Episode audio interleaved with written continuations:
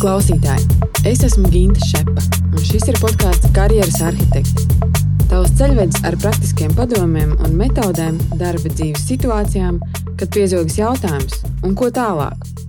Tās būs sarunas ar cilvēkiem no dažādām industrijām, par viņu karjeras ceļiem un dažādiem veidiem, kā cilvēki realizē sevi. Karjeras arhitektiem var sekot arī Facebook un Instagram. Tur es mēdzu padalīties ar vērtīgiem resursiem saistībā ar karjeras attīstību.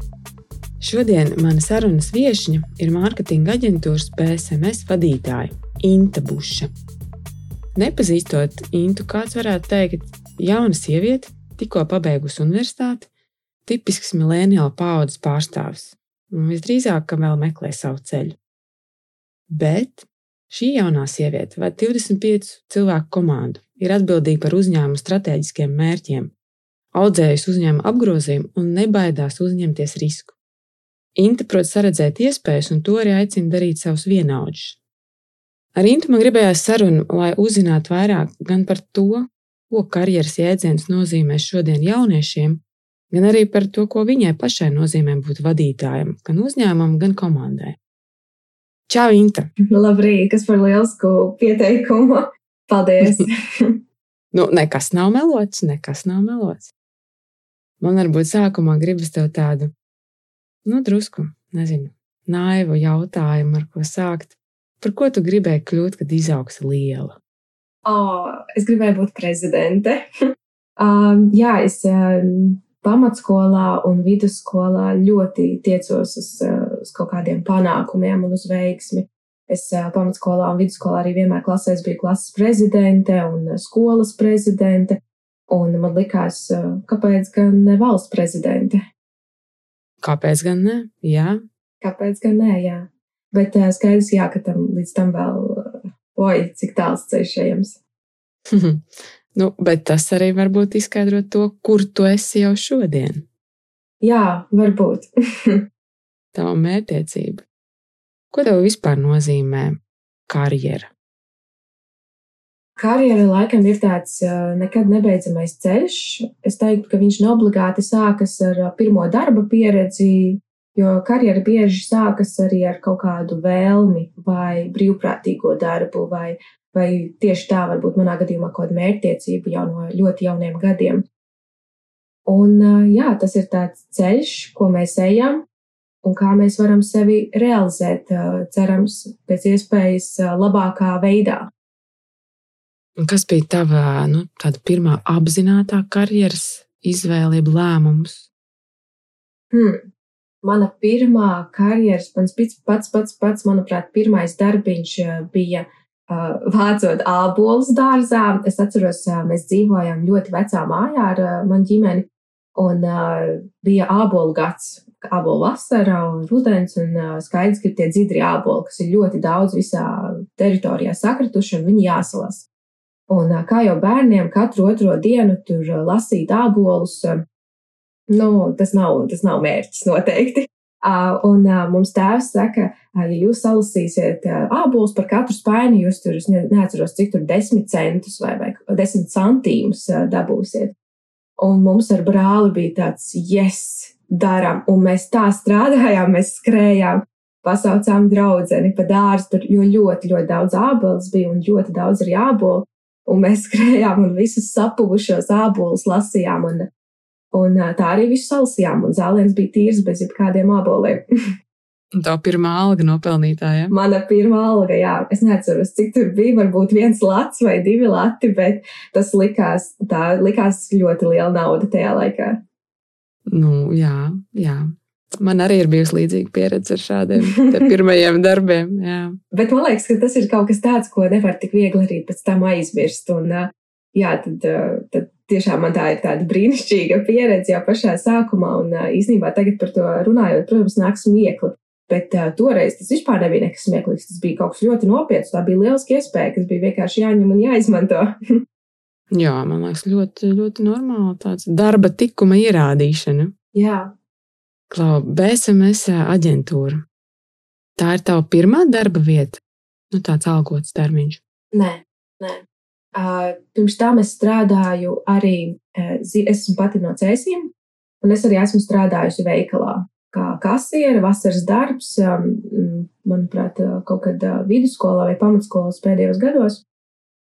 Un jāsaka, ka tā arī bija tāda visnotaļ ļoti daudzpusīga pieredze, jo skaidrs, ka katrs darbiņš un katrs amats ir vajadzīgs, arī kasieres darbs ir ļoti svarīgs un bez tā nevarētu iztikt. Un cēsīs, tad jā, tad strādāja topiņā, un bija ļoti grūti, bija tiešām ļoti grūti, bija jādara ļoti smagi darbi, bija jāatcelās smagas kastes, bija arī jāstāv pie kases un jāapkalpo jebkurš klients, kaut gan viņš dzīvoja varbūt uz ielas un izdeva vienkārši santīmus no kabatas, netīru naudu, kas tev bija jāsaskaita. Nu, darbs bija ļoti smags, arī emocionāli smags, bet tā es to vasaru nostrādāju. Tas bija mans pirmais algotais darbs. Nu, un kā tās ceļš atved uz Rīgu? Es noteikti kaut kā uzreiz jau zināju, ka no cēsīm es došos uz Rīgu. Un, jāsaka, jā, ka es, es kaut kā arī vienmēr esmu bijusi tāda, ka es tiecos prom no mājām. Ne tāpēc, ka man tur nepatiktu, bet kaut kā likās, ka dzīve ir tur, tur ārpusē. Un, jā, tad es mācījos vidusskolā. Mums bija liels pasniedzējs Aivars Karlsons, kas pasniedza politikas mācību, manuprāt, vai kaut kā tā sauca to priekšmetu. Un uh, viņš man ļoti iedvesmoja vispār par politiku. Un uh, skaidrs, ka politika ir ģimenēs, viņa ir tepatās, uh, viņa nav obligāti sājumā tikai. Un uh, viņš man iedvesmoja, es uh, ēnoju arti fabriku, es uh, arī piedalījos dažādos pasākumos, kas bija ar politiku saistīti jau, jau vidusskolas laikos, un visu laiku braucu uz Rīgu sājumu, uz ministru kabinetu, pie prezidenta uz pili un tā. Un uh, man tā Rīga pavisam noteikti iepatikās, es uzreiz sajūtu tādu sinerģiju Ir citi cilvēki, kas atbrauc no, no reģionu pilsētām saka, nu, Rīga ir tāda vai tāda. Es nezinu, manuprāt, Rīga ir vienkārši brīnišķīga pilsēta. Man ļoti patīk šeit dzīvot, un jā, tad attiecīgi es uzreiz zināju, ka es dzīvošu Rīgā. Es atbraucu uz Rīgu, sāku mācīties Latvijas Universitātes sociālo zinātņu fakultātē politologus, un, manuprāt, otrajā kursā es kaut kādā brīdī sapratu, ka man ir nedaudz brīvais laiks, un jā, es izvēlējos, ka es to varu, teiksim, piepildīt ar tādu praktisku pieredzi. Un kaut kā tajā laikā jau es biju nospriedis, ka man obligāti nav jāiet, jāiet aktīvajā politikā, bet es varu būt arī citos, teiksim, segmentos strādāt, citās nozarēs. Un es pieteicos jaunākā projekta vadītāja vakancei VSMS, un drīz arī tur uzsāku darbu kā jaunākais projekta vadītājs. Un tā sākās mans ceļš. Es nostrādāju gadu, aizgāju pie uzņēmuma īpašnieka un vadītāja Jāņa Boltiņa. Teicu, ka Jāni, es redzu, ka ir vairākas lietas, ko mēs biznesā pašreiz nedaram, vairāk tādu biznesa aspektu, kas netiek realizēti, bet viņi ir ļoti vitāli būtiski attīstībai, un es esmu gatava to darīt.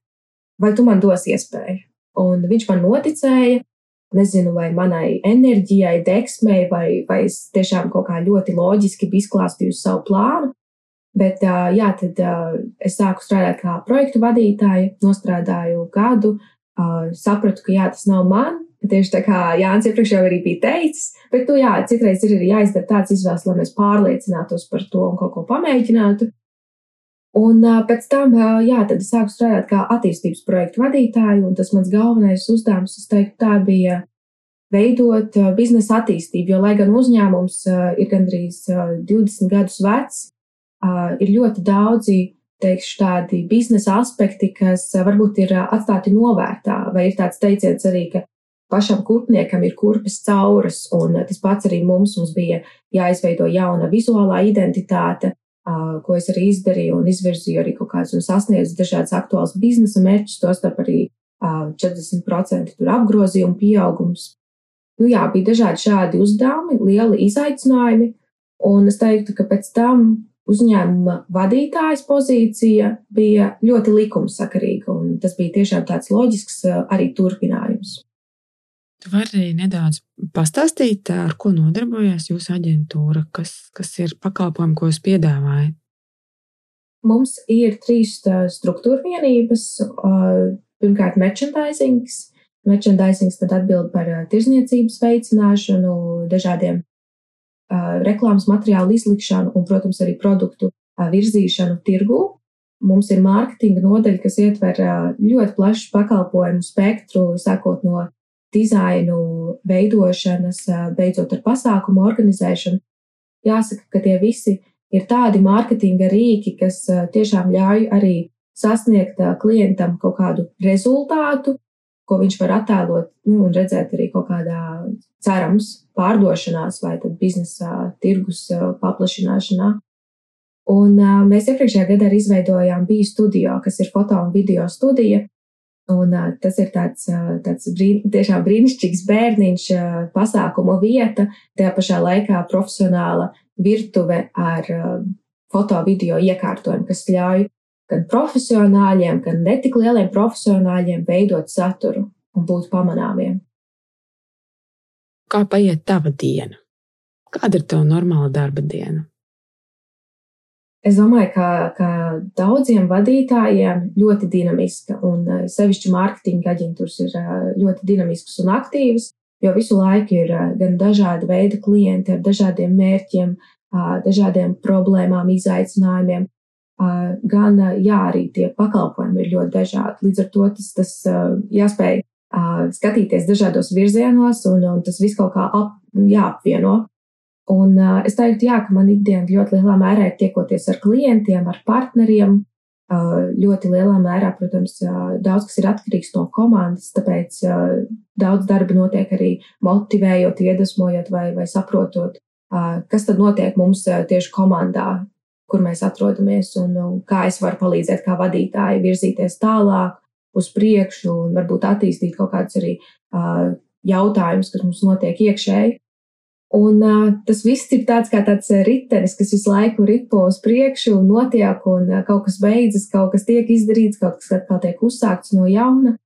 Un uh, tam visam pāri ir, protams, jāredz tas lielāks mērķis un kaut kāda lielāka, lielāks, uh, jā, tas plāns, ko mēs gribam sasniegt ilgtermiņā, ne tikai tur operat, operatīvie mērķi vai, vai kaut kādas uh, ikdienas, protams, jautājumi ir jāspēj saskatīt tā lielā lielā stratēģija, ko tad mēs gribam izdarīt un kas mēs gribam būt. Un, uh, un kaut kā tas viss arī jāpatur galvā un jāvirzās tajā virzienā.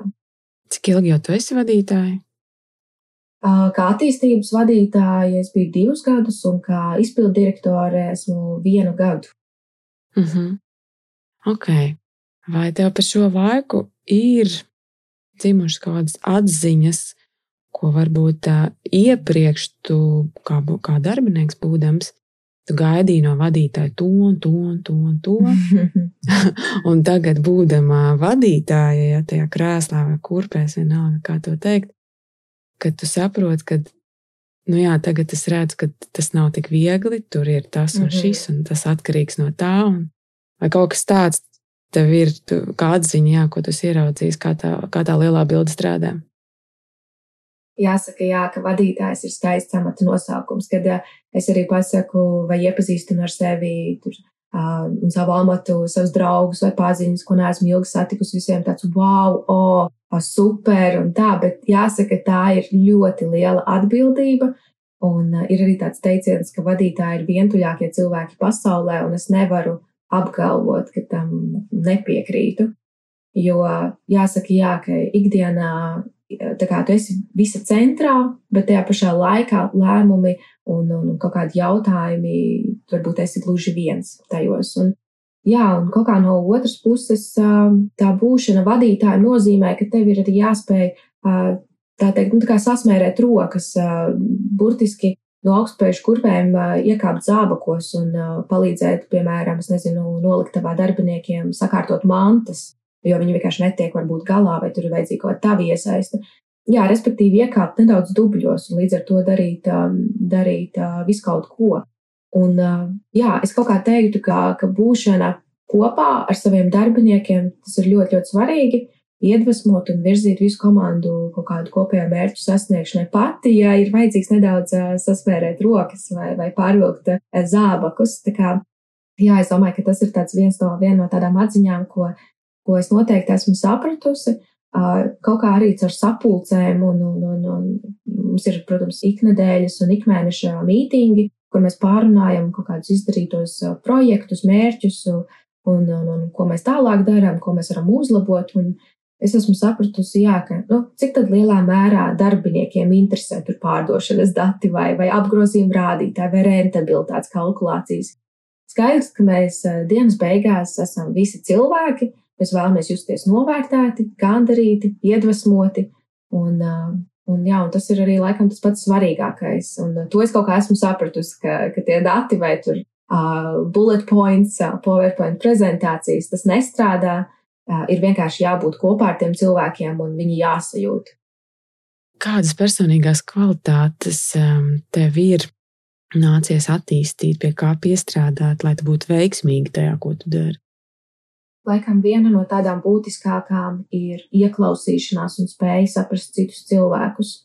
Jo mm, es arī uh, universitātē studentiem mācu, ka mēs paši katrs dzīvojam tādā kā savā burbulī. Un mēs bieži neizējām ārā no šī burbuļa, jo tas vienkārši nav vērti. Ir jāspēj iejusties citu cilvēku tiešām kurpēs. Un, mm, piemēram, man bija tāds ļoti liels kultūra šoks, kad es aizbraucu šogad aprīlī uz Grieķiju, atbraucu atpakaļ, un man bija vienkārši pilnīgi likās, esmu mainījusies. Jo Grieķijai ir ritīgi raksturīgs tas, ka tu ej pa pilnīgi normālu rajonu, tur ir policija, skaisti parki, pieminekļi, un bum! Vienkārši maza iela, kur dzīvo bēgļi. Viņi tur reāli dzīvo, tur ir sievietes, vīrieši, jaunieši, veci cilvēki, zīdaiņi. Un viņi ar visu savu iedzīvu, ar savām mantām, burtiski guļ uz ielas, ēd, dara visu. Un, un tas bija vienkārši tāds milzīgs kultūras šoks. Un, ka, jā, ka, ka vienkārši var būt šādi tiešām šokējoši apstākļi, un ka var vienkārši būt tā. Pat vienkārši ejot pa normālu ļoti labu Grieķijas Atēnu kvartālu. Un uh, atbraucot atpakaļ, es domāju, ka tā ir tāda liela īpašība, kas, uh, kas viennozīmīgi noder, ka tu spēj ieklausīties citos un saprast viņus. Un uh, man kaut kā ļoti ir attīstīta, un noteikti man SMS un šī darba pieredze palīdzējusi attīstīt tādu kā, es neteiktu intuīciju, bet tādu iekšējo sajūtu. Es mēģinu izprast un iejusties tā cilvēka ādā, es uh, mēģinu saprast, ko viņš domā, kā viņš jūtās. Un, uh, un, jā, un kaut kā izanalizēt to. Un man kaut kā tās sajūtas ļoti lielā mērā jau priekšā pasaka, kā cilvēks rīkosies, vai ko viņš darīs, vai kā viņš jutīsies. Un uh, tas viennozīmīgi jā, man ir palīdzējis. Un, uh, Laikam tā ir tāda liela prasme vispār, ja, ja strādā ar cilvēkiem, un mārketings viennozīmīgi ir cilvēku biznesa, un arī būšana vadītājiem ļoti lielā mērā nozīmē darbu ar cilvēkiem, tad Tas laikam ir tas pats pats svarīgākais, ka mēs spējam saprast citus cilvēkus, izkāpt no sava burbuļa un saprast, ka ne visi dzīvo tā kā es, ne visi domā tā kā es, ne visi ir tādi kā es, citiem ir pilnīgi citas vērtības, un tas arī ir totally fine. Mums vienkārši jāmāk ar to sadzīvot, jāmāk tos pieņemt un, un tiešām līdz galam tā ieklausīties viņos. Jā, mēs jau aizkadrā pieskārāmies vienam jautājumam, ko ko es tev gribu varbūt arī šeit pavaicāt. Es jau tev pieteicu, ja, kā, kā, jaun, kā jauna sieviete, kas rekur vada uzņēmumu. Vai tu esi saskārusies ar situācijām, kad nu, nezinu, partneri vai klienti, varbūt eh, arī tavā kolektīvā, kad kāds tevi tomēr redz kā nu, jā, jauna meitene, tikko no universitātes, ko tu vispār no dzīves saproti? Kā Kā, vai tev ir bijusi tāda pieredze, un tad kā tu ar to strādā? Jāsaka, ka komandā iekšēji es neesmu jutusies eh, tā, ka kāds eh, tiešām domātu, ka es neesmu kompetenti atrasties tur, kur es esmu. Eh, bet, jā, tad ir bijusi dažāda pieredze, un skaidrs, ka cilvēki arī, jā, vienkārši dažādi skatās varbūt šo jautājumu. Viena no manām pieredzēm bija pirms pāris gadiem, kad es zvanīju viena uzņēmuma vadītājam, un es viņam ar viņu runāju par to, ka viņam vajadzētu pāris dažādus aspektus ieviest savā uzņēmumā, un reklāmu, un mārketingu un tā. Mēs teikt runājam, un viņš man saka burtiski šādi: Meitenīt, ko tu jaunu man vispār pateiksi? Nu, es visu zinu, es strādāju tirgu 20 gadus, Es zinu pilnīgi visu, ko man vajag zināt, un tu man neko jaunu pavisam noteikti nepateiksi. Un, uh, un man likās, jā, tā, tāda lieliska pieredze, kas uh, viennozīmīgi pateica vairāk uh, par viņu nekā par mani, jo jāmācās visu mūžu. Un es kaut kā, mana tā izpratne ir tāda, ka nav svarīgi, vai tu esi 10 vai 20 gadus tirku vai 2 vai 3. Tas skaidrs, ka šie gadi bieži nāk ar tādu pieredzes bagāžu un, un ir izdzīvot un izdarīt ļoti dažādi plaša mēroga projekti un darbi. Un tas daudz kas arī piedzīvots ir. Taču tajā pašā laikā ne obligāti uh, tu esi kompetentāks vai, vai zinošāks, sevišķi kaut kādos jautājumos, un mārketings, reklāma vispār ir tāda nozara, kas mainās ļoti strauji, un, un, un ir, ir dažādi jauni rīki, kurus, teiksim, obligāti ar savu 20 gadu pieredzi tu pazīsti, jo viņi vienkārši vakar tikai ienāca tirgū. Līdz ar to, jā, tad tā spēja laikam arī vienkārši nolikt malā savu ego un uh, pateikt, ok, es esmu gatavs arī mācīties no jaunatnes. Un jā, kaut kā man liekas, ka, ka tas ir ļoti, ļoti svarīgi arī cilvēkiem, kas ir 20 gadus tirgu. Tomēr, jāsaka, kopumā es nejūtos tā, ka, um, ka kāds apšaubītu manu kompetenci, jo bija arī tā, ka es sāku strādāt kā attīstības vadītāja, un es uzņēmu īpašniekam, vadītājam Jānim Aboltiņam, es prasīju, nu, Jāni, kā tu būsi? Es tad tāda maza meitene, jo esmu arī ļoti īsa, un uh, jauna, un es iešu tagad pie, pie lielu uzņēmumu vadītājiem, pie struktūru vienību vadītājiem, mārketinga direktoriem un teikšu, nu, jums vajag darīt tā vai tā. Un viņš teica, zinīta, tad, kad es sākumā tevi satiku, man arī likās maza meitene, bet tad, kad tu atver muti, nemaz nepateiksi. Un kaut kā, jā, man tas tā iesēdies arī atmiņā ir, un jāsaka, ka acīm redzot, esmu pārliecinājusi, ka es varbūt neesmu maza meitene, bet uh, man ir ko piedāvāt, ka man ir savs viedoklis un ka man ir kaut kas, ko es varu likt arī pretī tiem, tiem vecajiem būkiem, kas ir arī 20 gadus tirgu un runāt kā līdzvērtīgs ar līdzvērtīgu.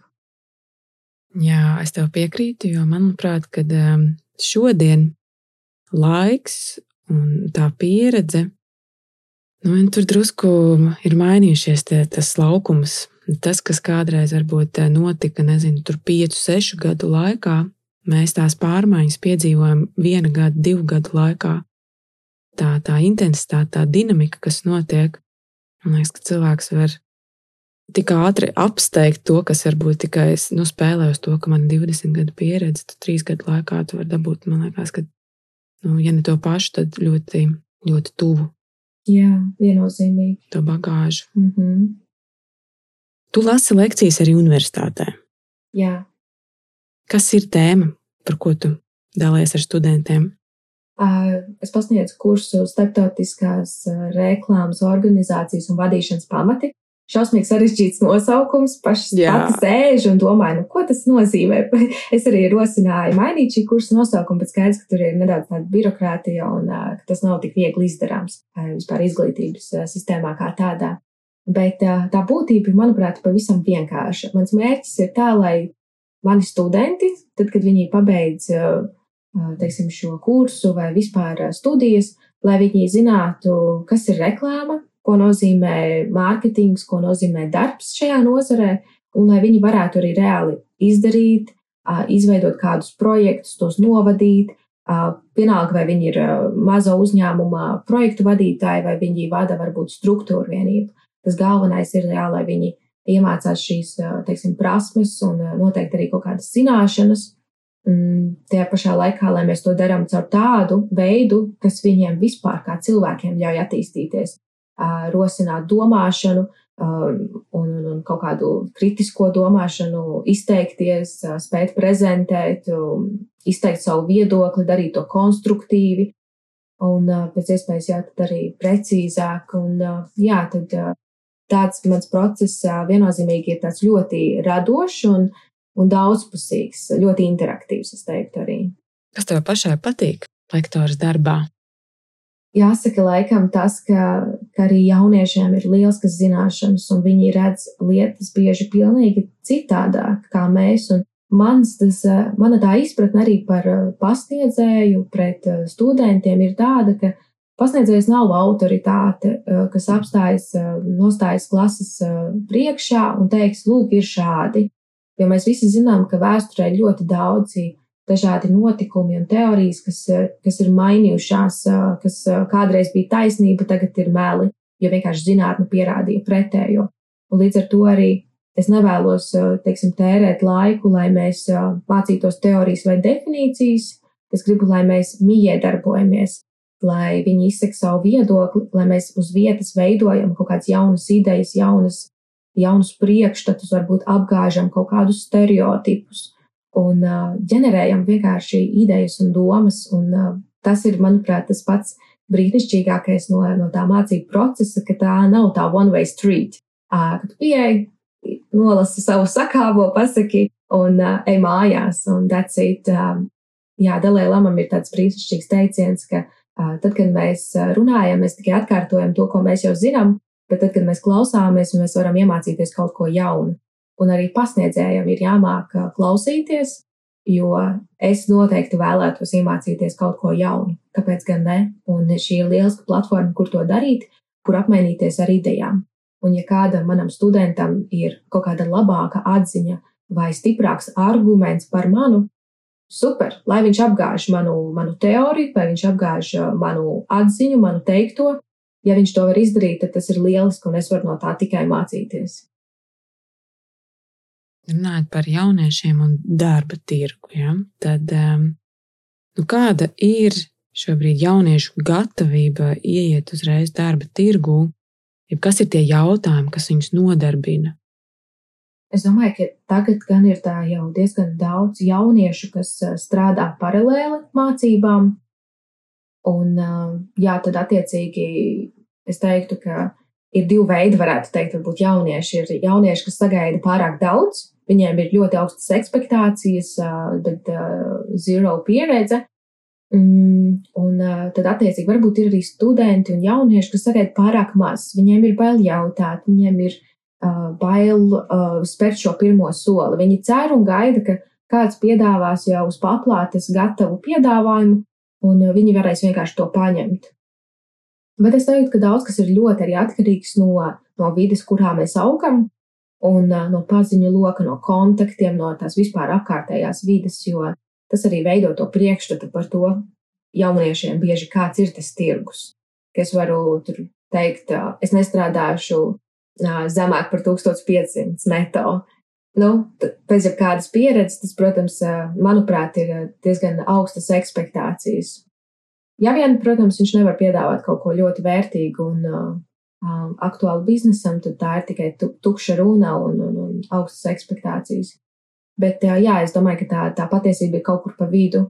Ir jāspēj gan uh, pajautāt un spērt to pirmo soli, uh, gan arī jāspēj sevi adekvāti novērtēt. Un, um, jā, tad attiecīgi jāspēj saskatīt, es teiktu, varbūt tās īstās iespējas, un tas no tirgus jānovērtē adekvāti arī kopumā, ne tikai tu pats sevi novērtē kā kā personību, kā cilvēku, jo tas vienkārši tas tirgus novērtējums prasa arī atkal izkāpt no tā burbuļa un paskatīties uz tirgu tā, tā plašāk.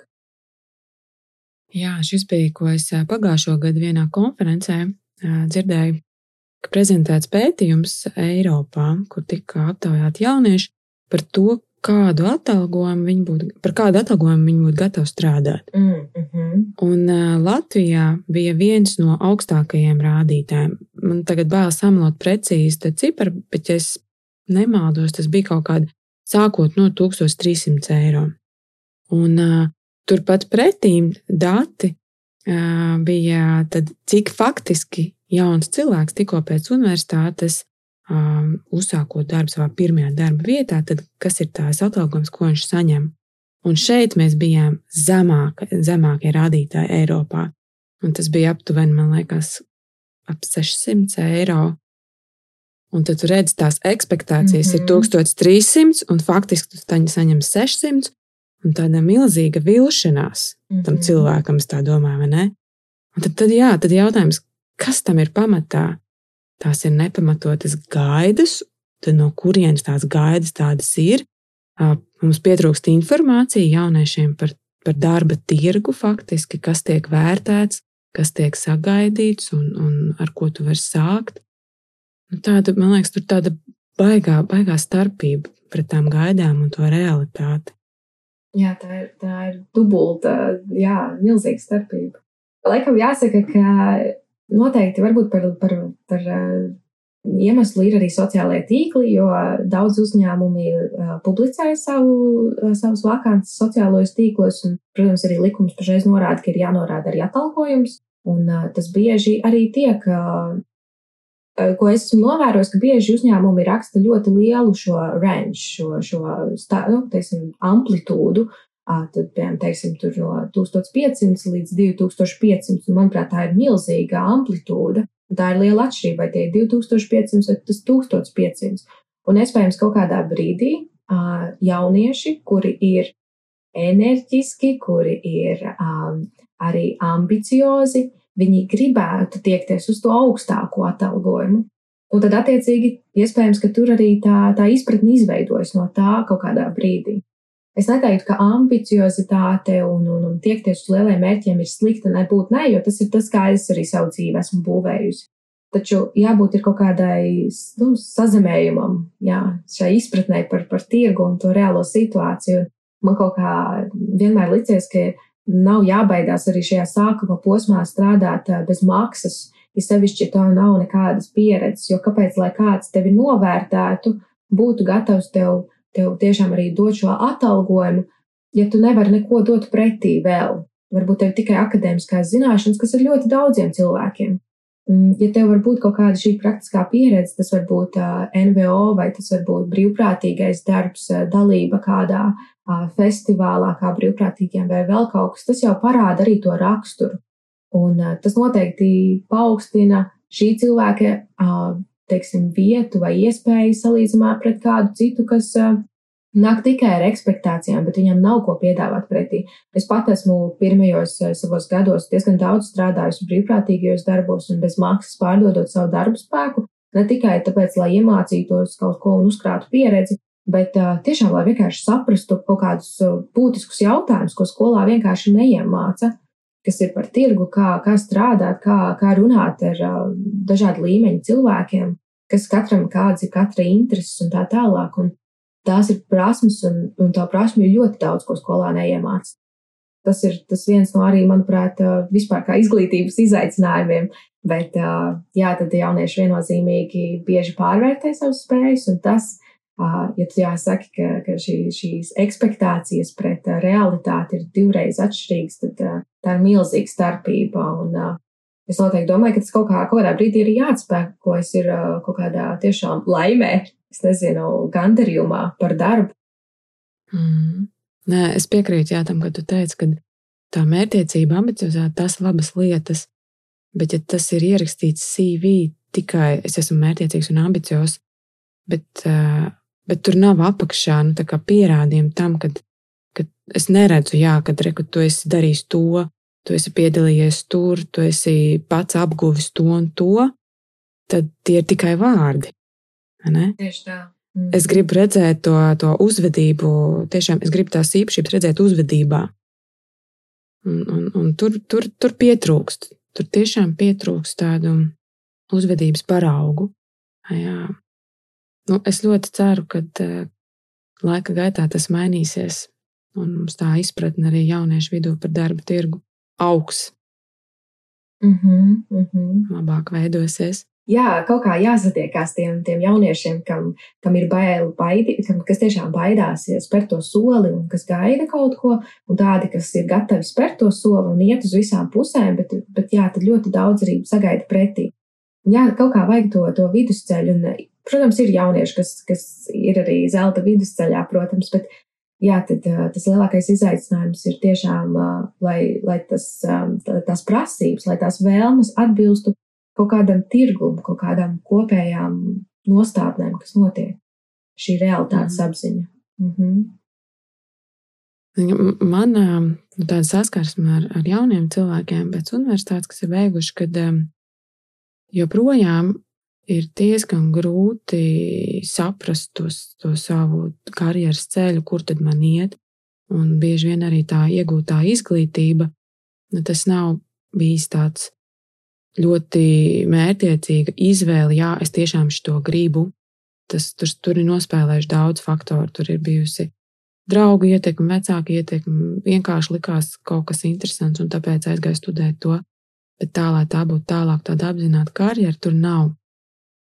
Vai tev ir kaut kas iesakāms no tavas, varbūt personīgās pieredzes, vai, vai ko tu esi dzirdējis arī apkārt, kas var palīdzēt tam jaunietim nu, apzinātāk to karjeras izvēli veikt? Viennozīmīgi ir jātestē. Par jauniem produktiem arī vienmēr saku, un tas ir nu, tāda, tāda, protams, vispār zinām patiesība, ka tu izveido jaunu produktu, varbūt tev viņš šķiet ļoti vajadzīgs tirgu, varbūt liekas kaut kāda superinovācija, bet tev viņš ir jātestē, tev jāsaprot, vai reāli ir pieprasījums pēc tā produkta, ko cilvēki saka, vai viņiem patīk, vai viņiem nepatīk, vai viņi gribētu kaut ko mainīt, kāda ir cena, vai tā ir korekta, vai tā ir par augstu vai par zemu. Tu testē produktu.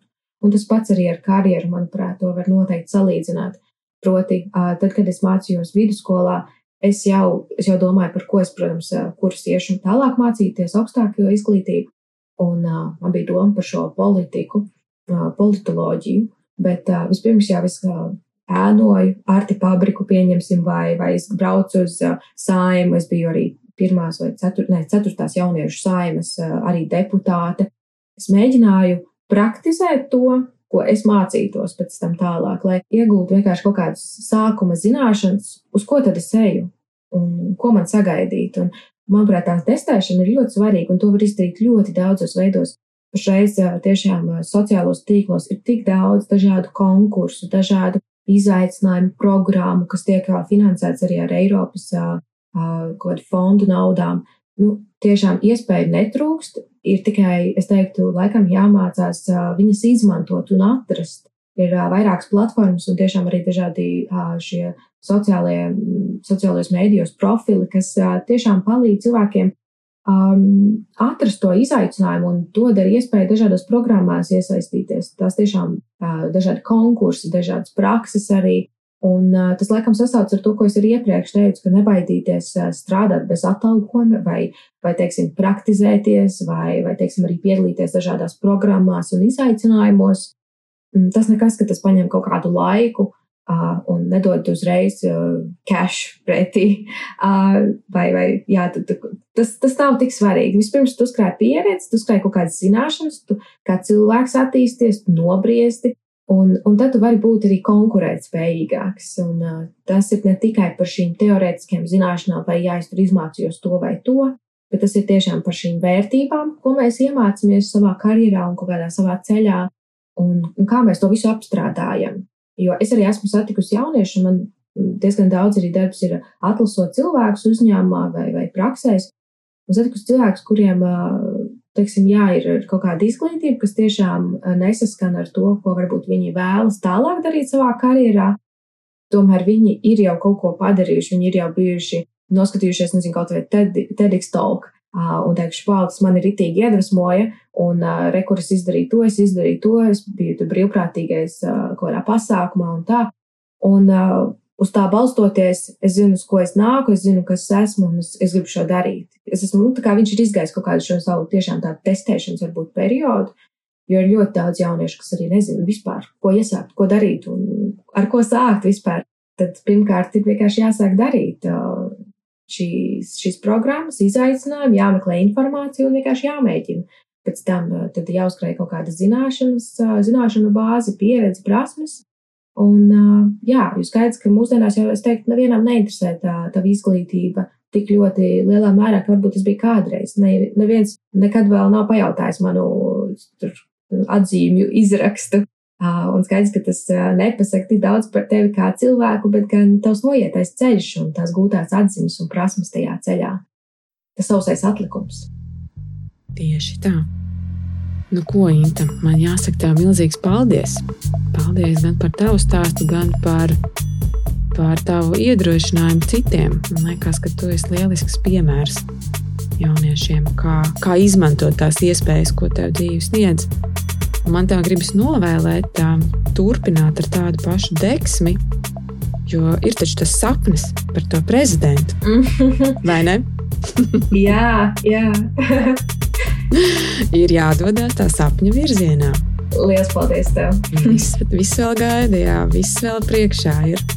Un tev, klausītāji, savukārt, es novēlu īņķis mētiecību un, un tiešām izmanto katru iespēju. Tiekamies pēc nedēļas. Atā! Atā! Paldies!